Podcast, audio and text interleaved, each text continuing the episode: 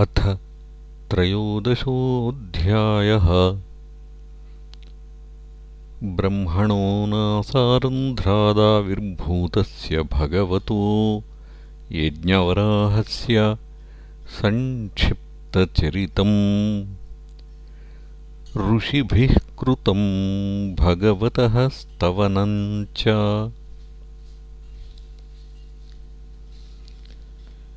श्रीशुक उवाच। निशम्यवाचं वदतो मुनेः पुण्यतमां नृपा। भूयः पप्रच्छकौरव्यो वासुदेवकथादृतः विदुर उवाच स वै स्वायम्भुवः सम्राट्। प्रियः पुत्रः स्वयम्भुवः प्रतिलभ्य प्रियां पत्नीं किं चकार। ततो मुने चरितं तस्य राजर्षेरादिराजस्य सत्तमा। ब्रूहि मे श्रद्दधानाय विश्वक्सेनाश्रयो ह्यसौ श्रुतस्य पुंसां सुचिरश्रमस्य नन्वञ्जसा सूरिभिरीडितोऽर्थः यत्तद्गुणानुश्रवणं मुकुन्दपादारविन्दम् हृदयेषु येषाम् श्रीशुक उवाच इति ब्रुवाणं विदुरं विनीतम् सहस्रशीर्ष्णश्चरणोपधानम् प्रहृष्टरोमा भगवत्कथायाम् प्रणीयमानो मुनिरभ्यचष्ट। मैत्रेय उवाच। यदा स्वभार्यया साकं जातः स्वायम्भुवो मनुः प्राञ्जलिः प्रणतश्चेदम् वेदगर्भमभाषत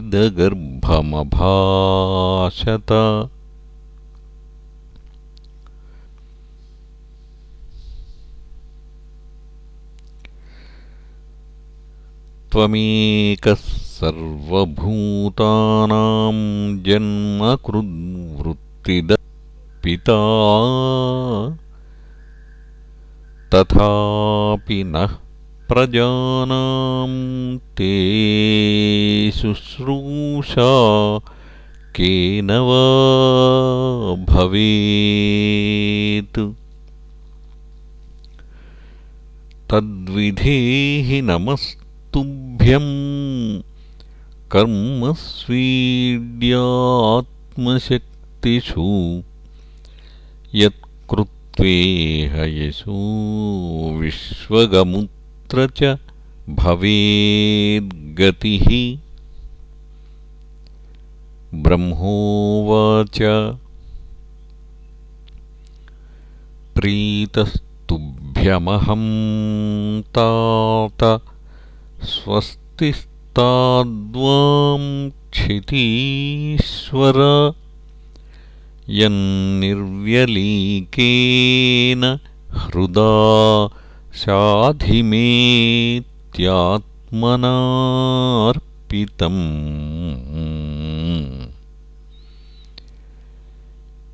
एतावत्यात्मविश्वासेन ह्यपचितिर्गुरौ शक्त्या प्रमत्तैर्गृह्येत सादरं गतमत्सरैः। स त्वमस्यापत्यानि सदृशान्यात्मनो गुणैः उत्पाद्यशासधर्मेण गां यज्ञैः पुरुषं यज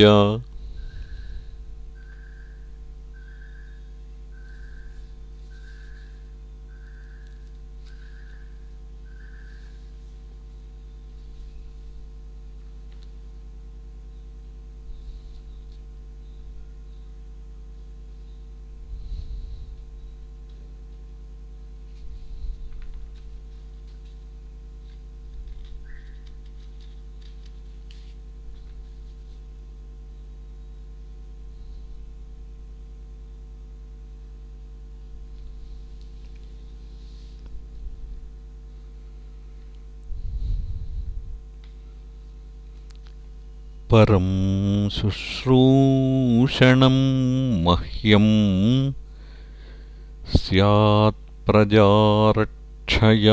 नृपा। भगवांस्ते प्रजाभर्तुर्हृषीकेशोऽनुतुष्यति येषां न तुष्ट भगवान् यज्ञलिङ्गो जनार्दनः। तेषां श्रमो ह्यपार्थाय यदात्मानादृतः स्वयम्। मनुर्वाच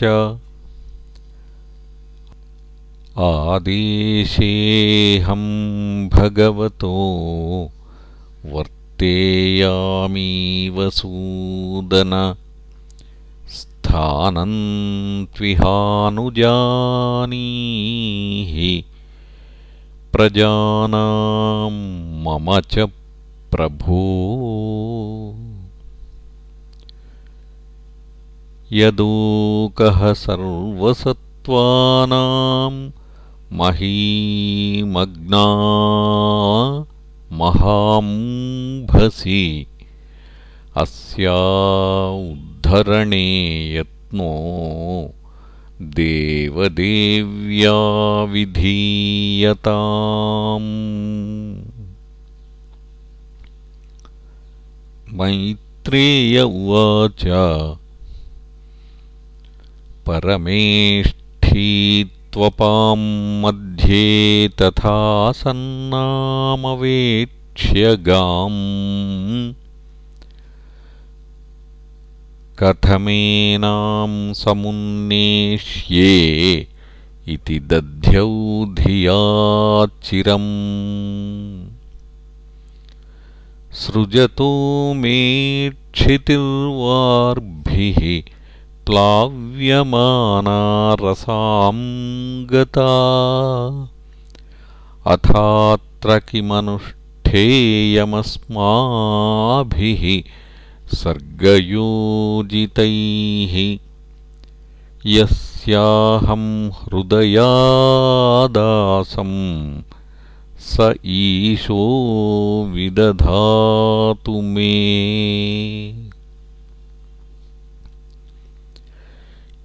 ्यभिध्यायतो नासा विवरात्सहसानघा वराहतोको निरगादङ्गुष्ठपरिमाणकः। तस्याभिपश्यतः खस्थः क्षणेन किल भारत।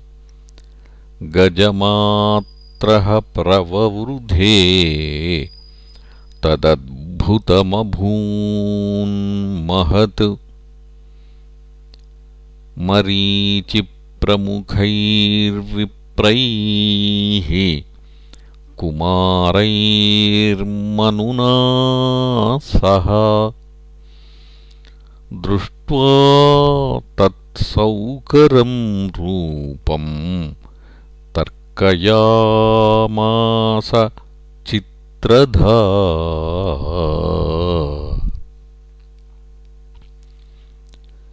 किमेतत्सौकरव्याजम् सत्वं दिव्यमवस्थितम् अहो बताश्चर्यमिदम् नासाया मे विनिःसृतम्।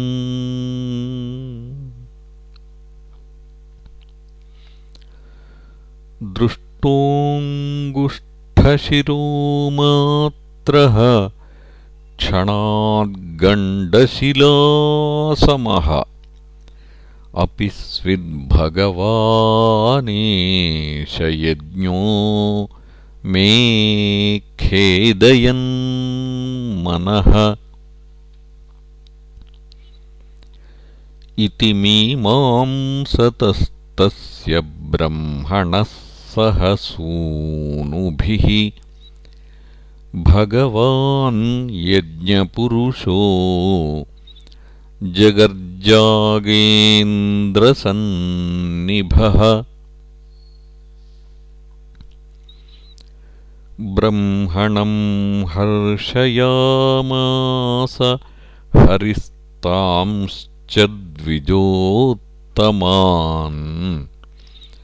स्वगर्जितेन ककुभः प्रतिस्वनयता विभुः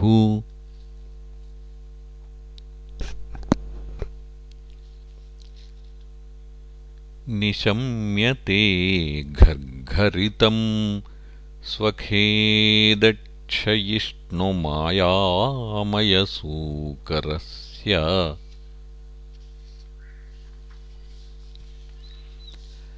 जनस्तपः सत्यनिवासिनस्ते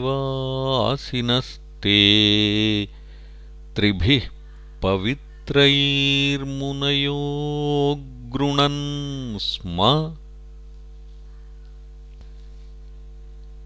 तेषां सतां वेदवितानमूर्तिः ब्रह्मावधार्यात्मगुणानुवादम् विनद्यभूयो विबुधोदयाय गजेन्द्रलीलो जलमाविवेश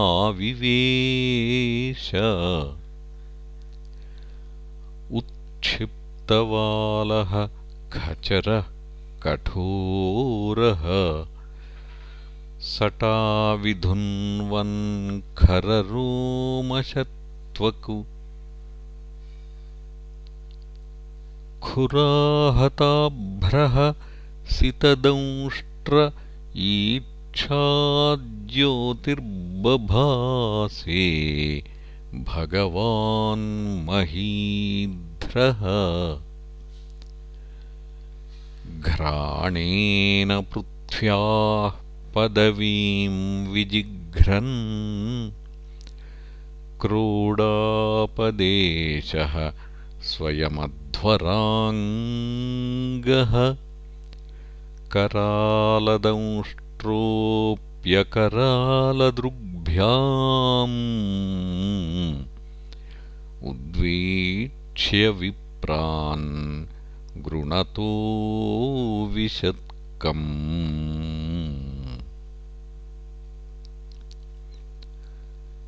स वज्रकूटाङ्गनिपातवेगविशीर्णकुक्षिः स्तनयन्नुदन्वान् उत्सृष्टदीर्घोर्मिभुजैरिवार्तः यज्ञेश्वर पाहि मेति खुरैः क्षुरप्रैर्दरयंस्तदाप। उत्पारपारं त्रिपरूरसायाम्।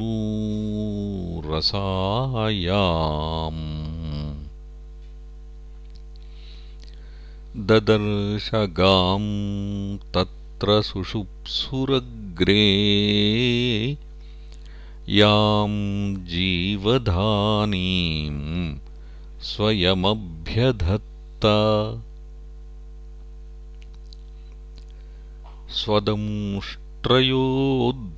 स्वदंष्ट्रयोद्धृत्य महीं निमग्नाम्।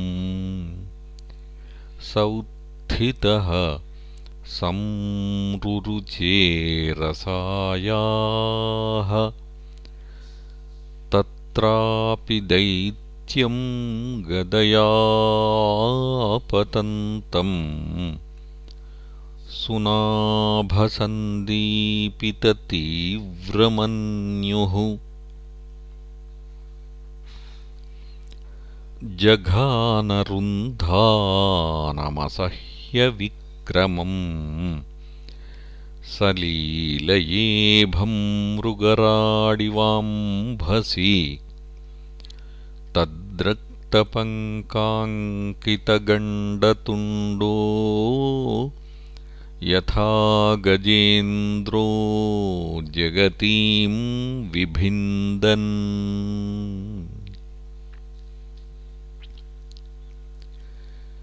तमालनीलं सितदन्तकोट्या क्ष्मामुक्षिपन्तं गजलीलयाङ्ग प्रज्ञायबद्धाञ्जलयोऽनुवाकैः विरिञ्चिमुख्या उपतस्थुरीशम्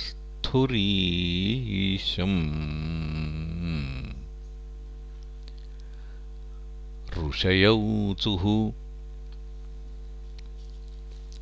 जितं जितं ते जितयज्ञभावन। त्रयीं तनुं स्वां परिधुन्वते नमः। यद्रोमगर्तेषु निलिल्युरध्वराः तस्मै नमः कारणसूकराय ते।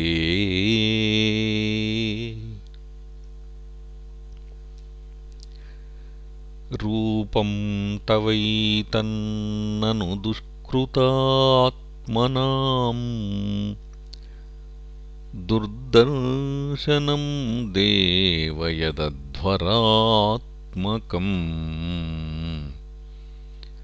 छन्दांसि यस्य त्वचि बर्हिरोमस्वाज्यम् दृशित्वं घ्रिषु चातुर्होत्रम्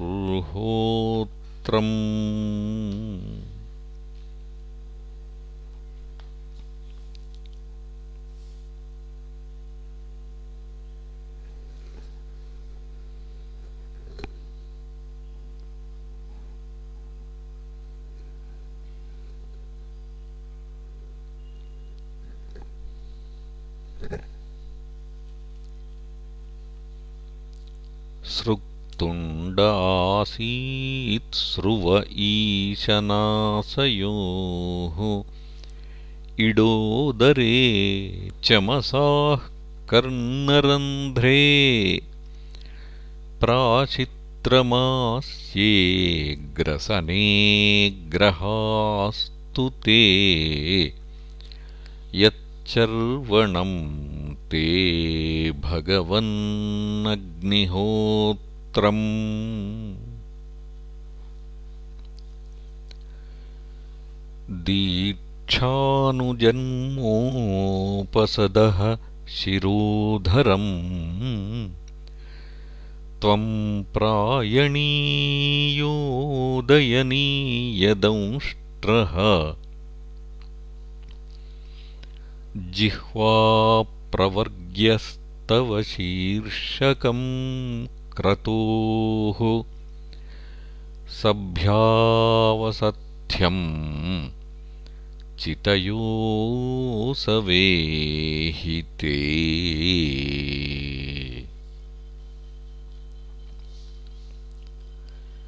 सोमस्तुरेतः सवनान्यवस्थितिः संस्थाविभेदास्तव देवधातवः। सत्राणि सर्वाणि शरीरसन्धयः। त्वं सर्वयज्ञक्रतुरिष्टिबन्धनः।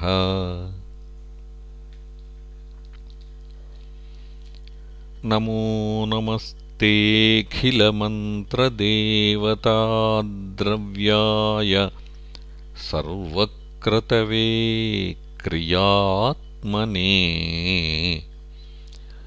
वैराग्यभक्त्यात्मजयानुभावितज्ञानाय विद्यागुरवे नमो नमः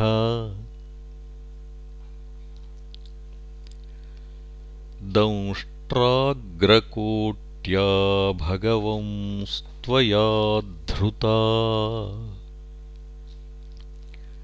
विराजते भूधरभूः स भूधरा यथा वनान्निःस्वरतो दताद्धृता मतङ्गजेन्द्रस्य सपत्रपद्मिनी।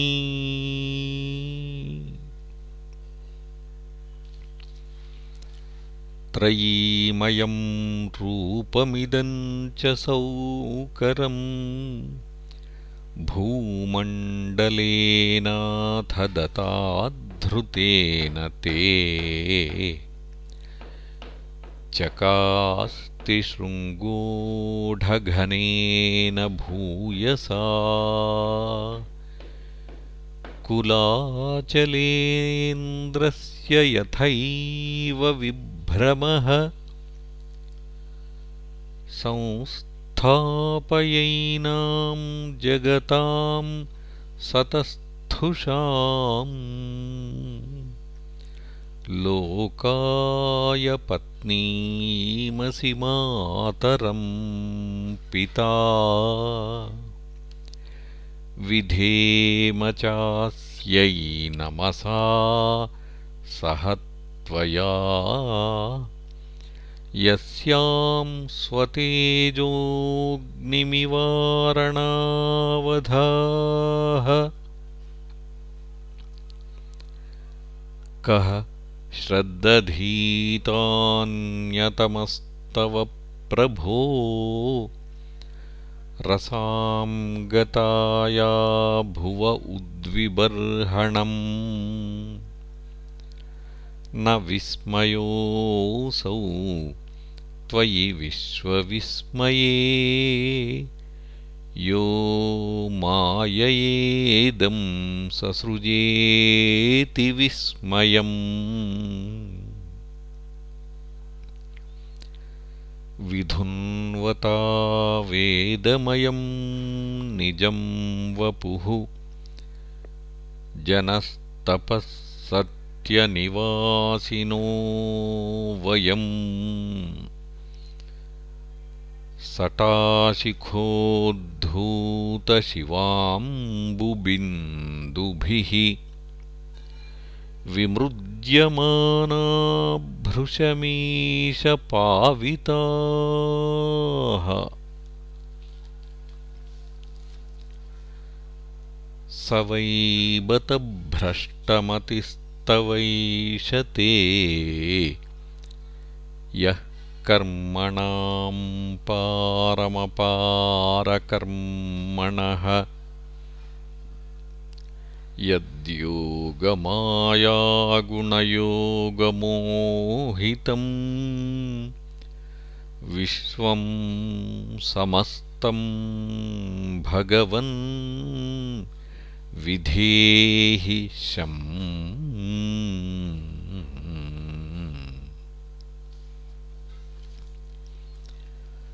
मैत्रेय उवाच। इत्युपस्थीयमानस्तैर्मुनिभिर्ब्रह्मवादिभिः सलिले स्वखुराक्रान्ते उपाधत्तावितावनिम्। स इत्थं भगवानुर्वीम् विश्वक्सेनः प्रजापतिः रसायालीलयोन्नीताम् अप्सुन्यस्य ययौ हरिः। य एवमेतां हरिमेधसो हरेः कथां सुभद्रां कथनीयमायिनः। शृण्वीतभक्त्या श्रवयेत ओशतीम् जनार्दनोऽस्याशु हृदि प्रसीदति तस्मिन् प्रसन्ने सकलाशिषां प्रभौ। किं दुर्लभं ताभिरलं लवात्मभिः। अनन्यदृष्ट्या भजतां गुहाशयः। स्वयं विधत्ते स्वगतिं परः पराम्।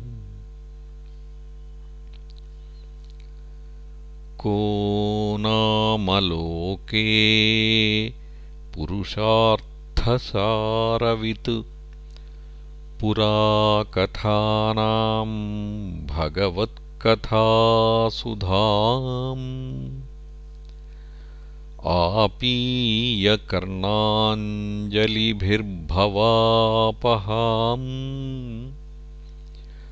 अहो विरज्येत विना नरेतरम्। इति श्रीमद्भागवते महापुराणे पारमहंस्यां संहितायाम् तृतीयस्कन्धे त्रयोदशोऽध्यायः